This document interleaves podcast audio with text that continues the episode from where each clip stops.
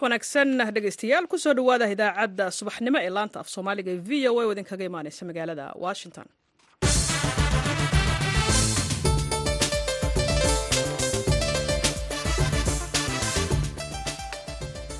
Waa aroor jimco ah bisha februaayana waa saddex sanadka waxaad naga dhagaysanaysaan mawjadaha gaagaaban ee iyo tobanka iyo sagaaliyo tobanka mitrban iyo bogga v o a somaly com saacadda afrikada bari waa lixda iyo barka aroornimo idaacadda saaka iyo caalamka. Waxaa idinla socodsiinaya anigoo ah caashe ibraahim aadan.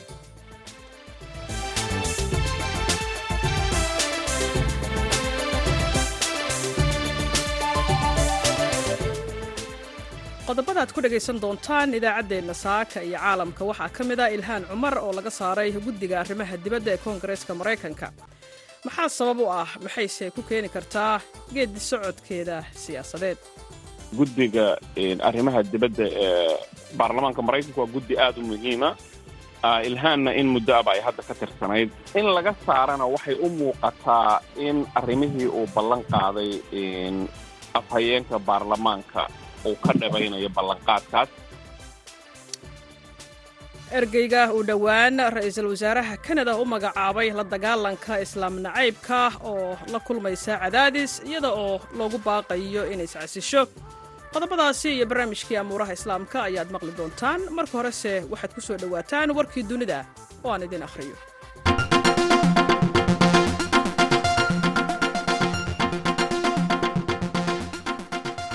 xubnaha jamhuuriga ee aqalka wakiilada maraykanka ayaa shalay u codeeyey in ay ilhaan cumar oo dimuqraadi ah ka saaraan guddiga arrimaha dibadda.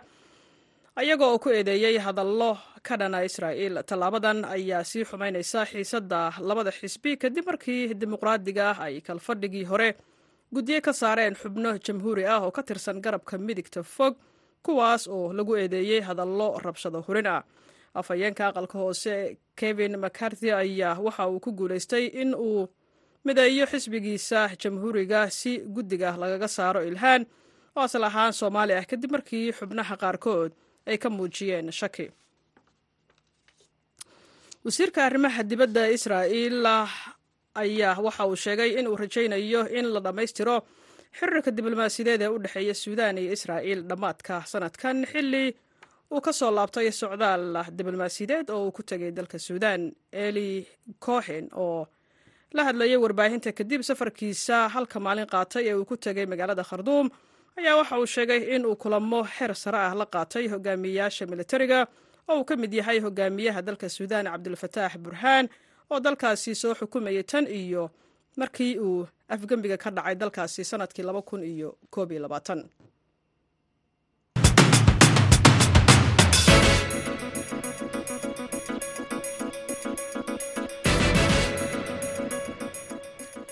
mar kale subax jimco ah oo wanaagsan ayaan hawada idinka leenahay meel kastoo aad naga maqlaysaan. Aan ku bilowne sidaad warkaba ku maqlayseen xubnaha xisbiga jamhuuriga aqalka wakiilada maraykanka ayaa shalay waxa ay u codeeyeen inay ilhaan cumar oo dimuqraadi ah ka saaraan. Guddiga arrimaha dibadda ayaga ku eedeeyey hadalla ka dhana israa'iil. Tallaabadan ayaa waxa ay sii xumaynaysaa xiisadda labada xisbi kadib markii xisbiga dimuqraadiga ah ay kalfadhigii hore guddiyo ka saareen xubno jamhuuri ah oo ka tirsan garabka midigta fog kuwaasoo lagu eedeeyey hadallo rabshado hurina. Haddaba khadka taleefonka ayaan kula xiriiray xaashi shaafi oo ka tirsan xisbiga jamhuuriga iyo faysal dari oo ka tirsan xisbiga jamhuuriga. Waxaanan wax ka weydiiyey waxa ay ka dhigan tahay in ilhaan cumar laga saaro guddiga arrimaha dibadda ee koongareeska. Waxaana hadalka ku horeynaya faysal. Runtii sidan aada og tahay guddiga arrimaha dibadda ee baarlamaanka maraykanka waa guddi aada u muhiima. Ilhaanna in muddo aba ay hadda ka tirsanayd. Runtiina waxa ay guddigaasi qabtaan arrimo muhiima oo ka mid a siyaasadda dalka maraykanka ay ku wajahaan adduunka. In laga saarana waxay u muuqataa in arrimihii uu ballan qaaday afhayeenka baarlamaanka kevin mccarthy xilligii uu doorashada ku jiray oo uu ka dhabaynayo ballanqaadkaas isagoo ka shidaal qaadanaya kooxo ka tirsan xisbiga jamhuuriga ah oo aanu ku tilmaano inay yihiin kooxaha garabka midig xagjirka ah. Kuwaas ayaa uu ka dab qaadanaya taas ayaa keentay in uu ka saaro iyo arrimo lagu soo eedeeyey oo ahayd hadallo ay ka ay ay ay ilhaan hore looga duubay oo ahaa arrimo ku saabsan waddanka israa'iil. Waayahay mar kalean kugu soo noqon doonaa faysal khadka ku jira. Xaashi dhinacaaga bal haddaad aragtidaad adiguna ka dhiibatid in guddigan laga saaro arrimaha dibadda ilhaan cumar. Wa horti waa runtii waa runtii waa ayaan daro waa ayaan daro aad u weyn oo runtii weliba dadka muslimiinta maraykanka ah ama immigrantga dadka la yidhaahda gedi ahaan ama dadka laga talada badan yahay ama madowga ah habal la dhahaba runtii waxay u ahayd maalin mugdi ah waana fakarkaasna waxaa ila qaba kuwo badan oo macnaha xisbiga dimuqraadiga iyo xisbiga rabitaanka intaba ah.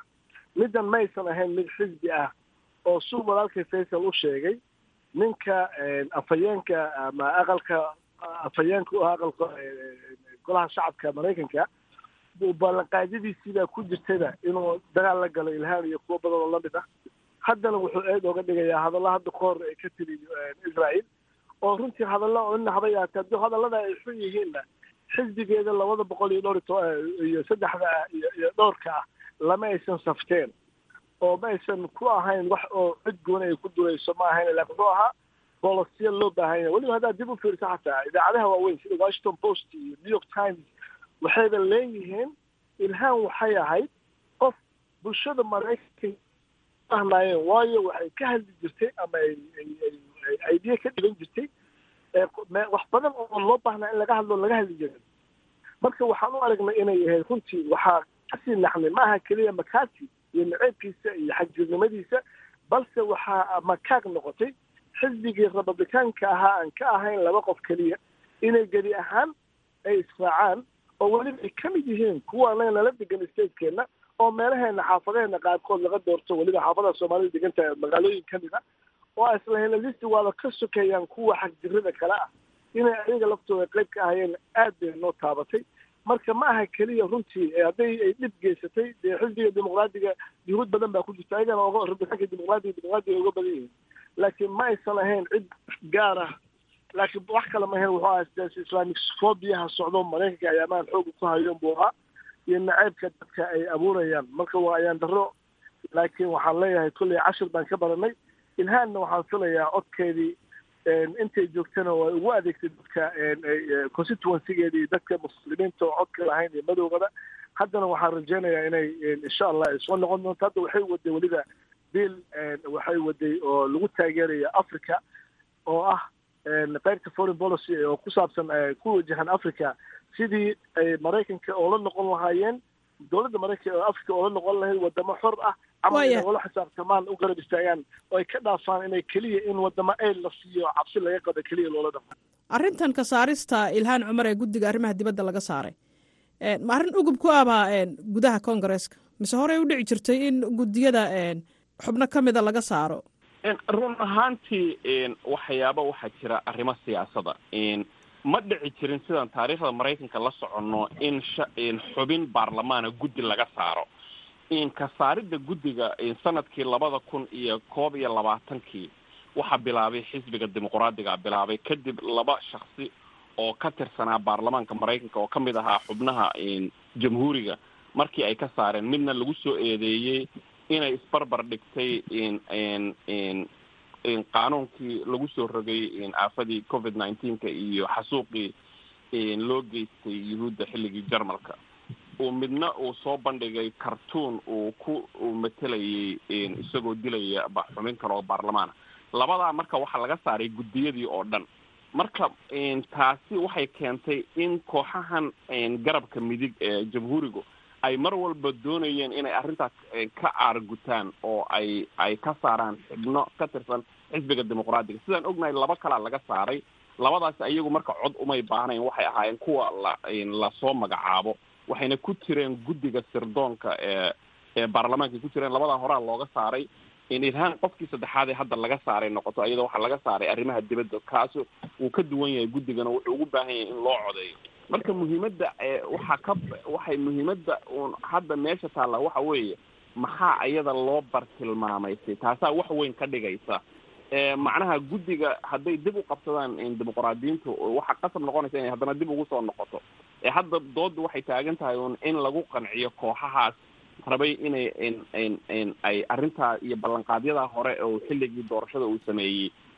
Arrintanina ma aha macnihii in ilhaan meel guddiyadii o dhan laga saaray sida xisbiga dimuqraatigu ay ballan qaadeen waxaa hadda lagu darayaa ilhaan guddiga miisaaniyadda oo loo yaqaano budget committee marka weli baarlamaankina way ka tirsantahay guddiyadeedii kalena way ka sii tirsanaan doontaa. Waayahay xaashi mar haddii arrintani hore u soo dhacday oo aanay ahayn arrin uguba in guddiyada koongareeska laga saaro xubno ku jira maxaa hadda ka saarista ilhaan cumar ee guddiga arrimaha dibadda laga saaray? Marba haddii guddiyo kale ay soo gelayso waxa runtii waxay kaga duwan tahay labadii hore suu walaalkay faysal u sheegay eedooyin waxaa yaalay miiska saarnaa oo ah isbarbardhigii ay sameeyeen holocaustigii ay sameeyeen yuhuudda lagu sameeyey jarmalka ku sameeyeen iyo isbarbardhigkii ahaa madaxweynahii inuu yidhaahdo maxaan ku shuruucdii ku saabsaneed covid nineteenka. Inay isbarbar dhigaan taas waxay ahayd khalad oo khalad keliya ma ahayna banishable ah. Taas waxaa waa la qaataa bay ahayd. Laakiin ma jirin gabadheena maanta ilhaan wax inna haba yaatee xadgudub heerkaas ama u dhow ay samaysay aan ka ahayn suu walaalkay faysal u sheegay group xag jir ah oo ka mida xisbiga jamhuuriga oo wali groupka trump qaar ka mid yihiin yaa neceb. Means cali baa ku neceb. Hadduu ku neceb yahayna ka mid ahaani maysid groupkanaga maxaan ku dhahaa committeegan xogaa waxay ila tahay inay tahay wax aada u fool xun oo weliba un americani ah un americanize runtii markaad fiiriso waa un american baan dhihi karaa waa unhuman waxa ay sameeyeen wax taariikhda dhacay. Ma aha waa taariikh cusub oo ah hate taasoo midda aan qaadan lanahay. Ama ilhaan ay xataa xisbigeedii iyo qaar ka mid a xataa xisbiga republikaanka ay dareemeen inay tahay xadgudub waxa lagu sameynaya gabadhan marka wax ina hadda isbeddel weyna ma jiro la keliya waxaa naga maqnaaday codkii u hadlayey dadka ku dulman caalamka caalamka maraykanka xiriirka la leh tusaale ahaan sacuudigii xadgudubkiisay ka hadli jirtay yeman bay ka hadli jirtay falastiin iyo xadgudubka ku samaysay israel bay ka hadli jirtay waxyaaba badan oo runtii lagama hadlaan ahaa bay ka hadli jirto weli aan filaya in hadda sanooyinka soo socdaan la maqli joonin waayahay waxaan siinayaa faysal dari. Maxaa ku dar lahayd runtii un waxa muhiima in oo dadka khaasatan soomaalida ah ee degan dalka maraykanka muhiim u ah in ay wadaan ololaha in in ku salaysan siyaasadda maraykanka ee ku wajahan dalka maraykanka macnaha shaksi hal shaksi ama laba shaksi waxba kama bedeli karaan laakiin waa inay culays miisaaniyada saaraan khaasatan jaaliyadaha soomaalida dalkan maraykanka degan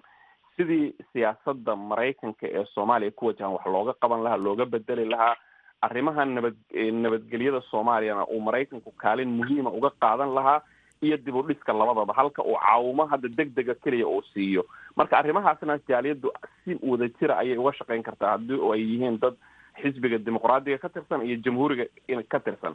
Marka in arrimaha layska kaashado ayaa u muhiima. Maraykanku meeshuu aadana adduunku siyaasadda arrimaha dibadda kaalin mugle ayay ka qaadataa. Waaya faysal waxaan mar kale si kooban ugu laabanayaa xaashi. Markaan fiirino jaaliyadda soomaalida dalkan maraykanka degan iyo soomaalida guud ahaan meel kastay caalamka ka joogto maxay muhiim ugu ahayd in ay guddigan arrimaha dibadda ka mid ahaato ilhaan cumar.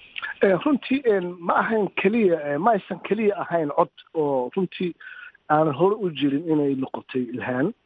Balse waxay ahayd qofta keliya muslimiinta maraykankaoo toban milyan ku dhowaada keliya ee taariikhda u soo gashay bosishinka heerkaasi gaadhay. Balse af buuxa ay maanta ku taageereen muslimiintii maraykanka deganay dhan ee dareemeenna in la midab soocayo ama ama la diin soocayo dadka muslimiinta target waxaa looga dhigta ilhaan ay middaa tahay. Laakiin waxaa isbeddel aan is leeyahay wuxuu ku iman karaa ko representationkaasoo naga maqan issueskeena su walaalkin faysal u sheegay maanta. Waa runtiis waana ku raacsanahay in inaga ka bulsho ahaan ka bulsho american ahaan aan abuurno ololo ballaaran oo soomaaliya garab istaaga waxyaabaha soomaaliya looga baahan yahay afrikaba aan ka samayn karno halkan waxwana waan ka qaban karnaa laakiin waxay ahayd ayada ilbaabkaas qoftii furi lahayd oo ah ayadoo weli furi karta. Hadda tusaale ahaan shuruucda ama boolisiyada ku aadan africa badanaa waxay ka timaadaa foreign committeegay ka timaadaa inta badan committeegay ka mid ahayd. Boliciday shalay maalinka talaadaheed ay soo daabacday runtii biil bay soo diyaarisay oo ahaa keliya in la baasgareeyo oo ku saabsan africa suu hadda faysal u sheegay sidii loogu qiimeyn lahaa inay yihiin dad yow iyo wadamo kala duwan oo sida maraykan uu waddan u yahay u ah loola xisaabtami lahaa ee aan loola xisaabtamin keliya in baahidooda iyo cabsi laga qabay dad laga cabsanayo sidii loo ilaalin lahaa keliya laga loo fisho soomaaliyana wadamadaasi ka mid tahay soomaaliya maraykanka maanta xiriirka ay u baahan tahay waxaa weeyaan aan awoodno inaan u sameyno ayadana af ay nagu noqotay ama ay noqon karto ama ay ahayd waa runtii waxaan ka bedeli karnaa soo hadda faysal u sheegay in dhinaca securityga iyo aidka keliya aan laga egin ee developmentka iyo horumarka waddanka inaan kala shaqeyno waanan awoodnaa ka shacab ahaan marka waa mahadsantaha waxay ila tahay runtii ilhaan waa la tabayaa waa laga tabayaa xagga committeegaas laakiin weli wayna joogtaa wayna soo noqon doontaa insha allah mahadsanediin kuwaasi waxa ay ahaayeen xaashi shaafi oo ka tirsan xisbiga dimuqraadiga iyo faysal deri oo ka tirsan xisbiga jamhuuriga. Waxay labaduba ka waramayeen guddiga arrimaha dibadda koongareeska oo laga saaray ilhaan cumar. Qaar ka mid ah soomaalida ku dhaqan gobolka ohaayo ee dalkan maraykanka ayaa aragtidooda ka dhiibtay tallaabada ilhaan cumar looga saaray guddiga arrimaha dibadda ee koongareeska. Waryaheena gobolkaasi cabdikaafi yuusuf aadan ayaa qaar ka mid a xubnaha jaaliyadda kala sheekaystay waxaana uu soo diray warbixintan. Soomaalida ku nool gobolkaani oo ohaayo ayaa siyaabo kala duwan u arka mooshinka lagaga saarayo guddiga arrimaha dibadda xildhibaanad ilhaan cumar. Siciid ibraahim cagmadhiga oo ka mid ah ganacsatada gobolkaani ohaayo ayaa aaminsan in la filan karay. Arrinta caawa dhacday. Ilhaan waxay isku taagtay dee waa la ogaa ninka la yidhaahdo trump meelo badan bay soo qoryo qoryeysay oo israa'iil oo ay waddanka ilaashado marka insaa lagu sameynay horta waa la maleynaya annagu haddaan soomaalina waa ka xunnahay runtiina waxaan rajeynaynaa in ay xiliyada dambe ay meeshaas iyo meel ka sarraysaba ku sii laabato. Khadre maxamed shire waxay aaminsan tahay waxa dhacay inay tahay aarsi siyaasadeed. Islamarkaasina ay dhaawac ku tahay sumcadda dalkani maraykanka. Aadan uga xumahay arrin fiican ma aha. Anti americana u arka aniga. Wax maraykanimada ka soo horjeeday sababtoo ah congress woman ilhaan waxa lagu haysto waa aarsi siyaasadeed oo waxaan u malaynayaa xisbiga republicanka iyo madaxweyne trump ay ku daba socdaan ilhaan. Runtiina dhawaq dheer samaysa oo maaragtay markasta ka hadasha waxyaalo aan saxnayn oo maaragtay arrimaha dibadda maraykanka ku saabsan.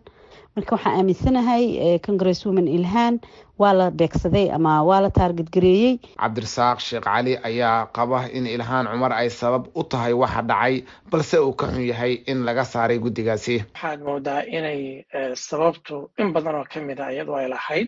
Waana sababtay baan filayaa inay yeelato saaxiibo aada u yar markay noqoto arrimaha dibadda. Marka waanu ka xunnahay laakiin in badan anigu waxaan aaminsanahay sababay ayadu lahayd inay tahay codka intaa leeg in looga xayoobiyo ee ka mid ahaanshaha guddigaasi cabdiqaadir xaaji oo ka mid ah xisbiga jamhuuriga ee gobolkaani ohaayo horeyna ugu tartamay aqalka koongareeska ayaa ku tilmaamay wax foolxun mooshinka laga keenay ilhaan cumar. Xoogo xaggayga foolxumo ahayd aniga kulama taliyeen speakerka inuu waxaasoo kale ku dhaqaaqo ama uu wakti ku dhumiyo because waddanka waxa u yaalo arrimo kala duwan gaaskio qaali ah sicir barar waxa u yaalo caafimaad darro shaqa la'aan waxyaala badan ayaa iyo dagaalooyin sida ukrainekiisii ka mid yahay.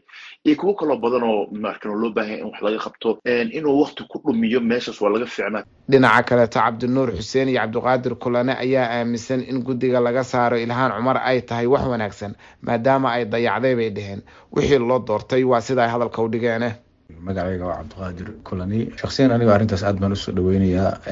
Waana taageersanahay in ilhaan laga saaro guddigaas sababto tahay ma waxaan moodeyna mise waxa ay hadda noqotay? De waxaanu meedeynay in haddii aynu nahay community soomaaliyeed iyo community islaama labadaba inay wax fiican noo tiri doonto. Laakiin markaynu aragnay dhaqamadeeda iyo qaabka ay u dhaqmayso iyo arrimahan ay horboodeyso inu diintanada iyo dhaqankanaga u wanaagsaneyn ee ayadaba ay ka tahay hormuudka aynu aragnay. Marka in laga saaro waa soo dhaweyneynaa qof ka wanaagsano magacaygu waa cabdinuur xuseen de shalayto waxaan ka mid ahayn dadkii ilhaan doortay oo rabay inay wax badan noo qabato ama community noqono soomaaliyeed ama community islaam noqono. Haddana weli xildhibaanada weeye laakiinse haddii guddiga arrimaha dibadda laga saaray waxaan aaminsanahay in ay qalad ay samaysay uu ahaa.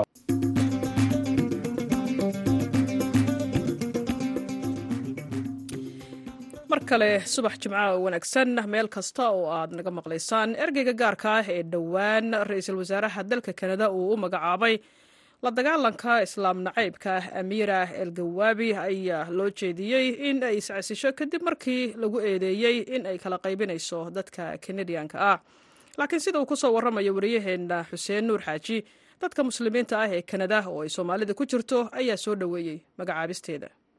Maalmo kadib magacaabista amiira algawaabi ergeyga gaarka ah ee dowladda kanada u qaabilsan la dagaalanka islaam nacaybka waxaa si xoogan u mucaaraday magacaabistaasi madaxda gobolka kubeeg iyo qaar ka mid ah hogaamiyaasha mucaaradka ee dowladda federaalk dowladda gobolka kubeeg ayaa ku baaqday in amiira algawaabi ay iscaasisho haddii aysan sidaasi sameynna dowladdu ay dib uga laabato magacaabisteeda iyadoo dowladda kubeeg ay u sababeysay maqaal ay amiira wax ka qortay oo ku saabsanaa mamnuucidda xirashada astaamaha diinta muujinaya sida xijaabka ee laga mamnuucay gobolkaasi kubeeg amiira algawaabi ayaa maalmo kadib magacaabisteeda ka cudur daaratay qoraalkaasi oo u dhignaa in dadka kubeeg ee u codeeyey sharciga mamnuucaya xirashada astaamaha la xiriira diimaha ay yihiin kuwa ay ku jirto islaam nacayb waxaa xusid mudan in maqaalka kii lagu daabacay ottawa citizen ay amiira isla qoreen berni farber madaxii hore ee guddiga yuhuudda kanada.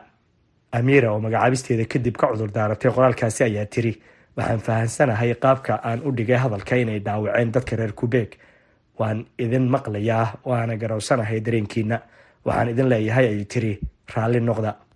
John francois oo ka mid ah golaha wasiirada ee dowladda gobolka kubeeg ayaa cudurdaarka amiira ku sheegay mid ay u qiildayeyso naceybkeeda isagoo tilmaamay intaasi aysan aqbalaynin oo ay doonayaan inay iscasisho dhanka kale madaxa xisbiga conservative-ka canada pierre boliev ayaa warbaahinta u sheegay in trudeau waa ra'iisul wasaaraha kanade uu doortay inuu kala qaybiyo dadka kanadiyanka ah Quebecers, Jews, and police officers by naming someone to a key. pierre boliev wuxuu yidhi justin trudeau wuxuu mar kale u gafay dadka reer kubeeg yuhuudda iyo saraakiisha booliska markii uu boos dowladeed u magacaabay qof wax ka sheegtay reer kubeeg yuhuudda iyo booliska waa inaan la dagaalanaa nuuc walba oo nacayb ah inagoo isku keenayna dadka ee aanan kala geynaynin ayuu yidhi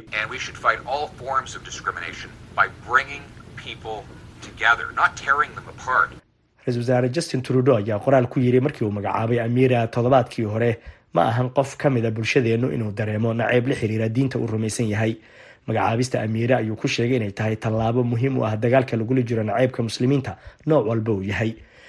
Dadka muslimiinta ah ee reer kanada oo soomaalida ay ku jirta ayaa soo dhaweeyey magacaabista amiira algawaabi laakiin waxay tilmaameen intaasi aysan soo afmeereynin dhibaatooyinka haysta muslimiinta waa kan siciid muuse daahir oo xubin ka ah ururka muslimiinta kanada una ololeeya arrimaha xuquuqda aadanaha oo ka mid a dadka sidaasi aaminsan oo xilli sii horreysay aan ka waraystay magacaabista. Waad mahadsan tahay xuseen runtii magacaabista ergeygan waxay ahayd arrin in muddo aba la sugayey waxayna waxu nafisa siin doontaa ee bulshada muslimiinta ee ku nool kanada.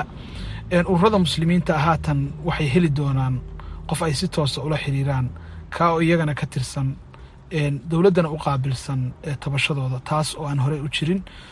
Sidoo kale dadka dhibaatadan geysanayana waxay arkayaan in haatan dowladdu ay soo jeensatay. Oo ay la xisaabtami doonto mar haddii ay dowladdu ergey u samaysay arrintan. Ra'iisul wasaaraha kanada ayaa arbacadii kahor inta aysan amiiro bixinin raaligelinta wuxuu tilmaamay in dadka reer kubeeg aysan ahayn cunsuriyiin isagoo xusay in dadka reer kubeeg ay ka mid yihiin kuwa u dagaalama xuquuqda iyo xorriyadda shakhsiyaadka ra'iisul wasaaraha ayaa dhanka kale sheegay in amiire ay u qalanto magacaabista.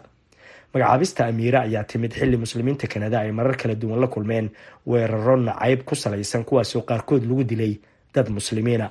Xuseen nuur xaaji v o a toronto.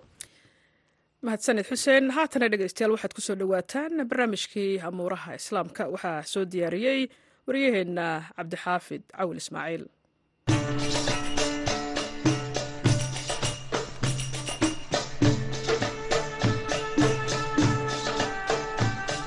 barnaamijkeena amuuraha islaamka waxaynu ku eegaynaa heerka uu marayo ururka fatax siyaasad ahaan iyo taageerada uu ka haysto dadweynaha falastiiniya inay sii yaraanayso ama ay halkeedii taagan tahay ururka faatax waxaa la aasaasay sannadkii kun iyo sagaal boqol iyo toddobiiyo kontonkii laakiin si rasmi ah waxaa loo furay kowdii bishii janawari ee sannadkii kun iyo sagaal boqol iyo shan iyo lixdankii. Isla sanadkaasna waxaa israa'iil ay ku weerareen gudaha deegaanada falastiin ee ay haysato. Weerarkaas waxaa loo bixiyey rasaastii koowaad sannadkii sagaashankii waxay wadahadal nabadeed la galeen israa'iil iyada oo aan tashi lala samayn dadka falastiiniyiinta ah. Tallaabadan ay qaadeen fatax saameyn intee leeg ayay ku yeelatay kalgacalkii bulshada falastiin u qabeen su'aashaasi ayaan weydiiyey cabdiraxmaan aadan ruush xadaana oo ah falanqeeyo degan magaalada muqdisho.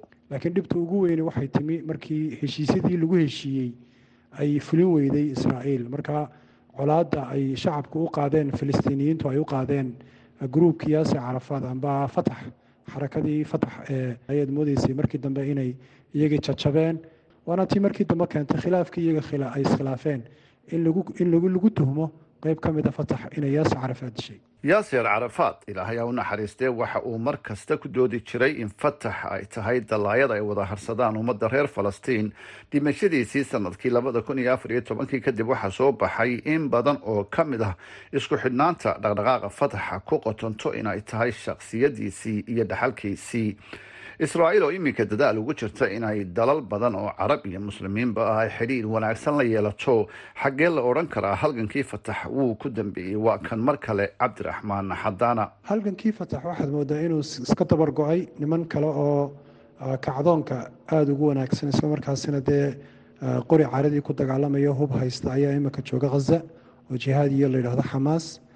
Daanta galbeedna kuwa wax ka fuliya iminka waa iyaga. Marka waxaad moodeysaa calankii fatax inaanu sidii horeyn madaxweyne cabaas ayaa inta badan siyaasadiisa ka dhaxlay ha u naxariistay yaasir carafaad taas ayuu ku galay liiska murashaxiinta madaxtinimada ee sannadkii labada kun iyo shan iyo tobankii. Waxaa kale oo iminka seh uu u muuqdaa sida ay tilmaameen khuburo ka faallota arrimaha falastiin iyo israa'iil inuu hogaamiye cabaas waddo kale qaaday habdhaqankiisa gorgortanka iyo diblomaasiyaddaba intaasi ayaynu dhegeystayaal ku soo gabagabaynayna barnaamijkeenii amuuraha islaamka. Sidaas iyo jimca wanaagsan mahadsaned cabdixaafid cawil ismaaciil ayaa barnaamijka amuuraha islaamka. Noo soo diyaariya halkaad kala socoteenna waa laanta af soomaaliga e v o a haatanna waxaan idiin weecinaynaa dhinacii heesaha dabacsan ee aanu idiin haynay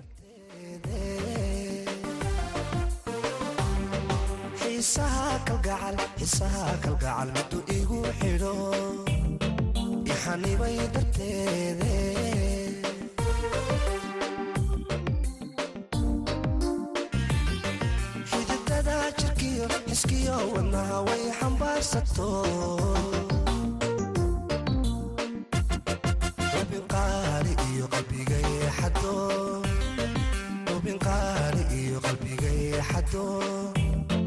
qalbigay xado xaggeeda jira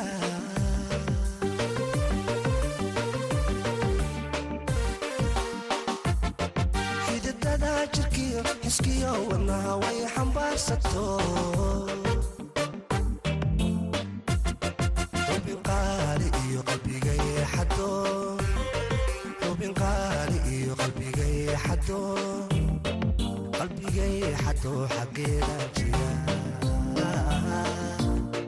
xaggeeda jira